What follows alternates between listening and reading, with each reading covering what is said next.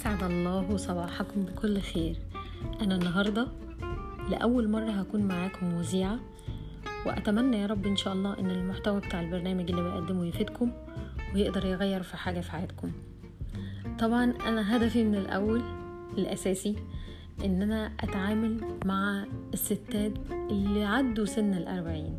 طبعا عشان خلينا متفقين هي جميلة في كل حالاتها لكن اللي عدت سن الأربعين بيبقى ليها سحر خاص وليها تعامل خاص وليها حياة مختلفة شوية عن بنت العشرين وآنسة, وآنسة التلاتين خلينا مع بعض نمشي في جولة كده ونشوف إيه اللي أقدر أساعدكم فيه وإيه اللي تقدروا تقدموه لي فيه وإن شاء الله يا رب نقدر نفيد بعض ونستفيد.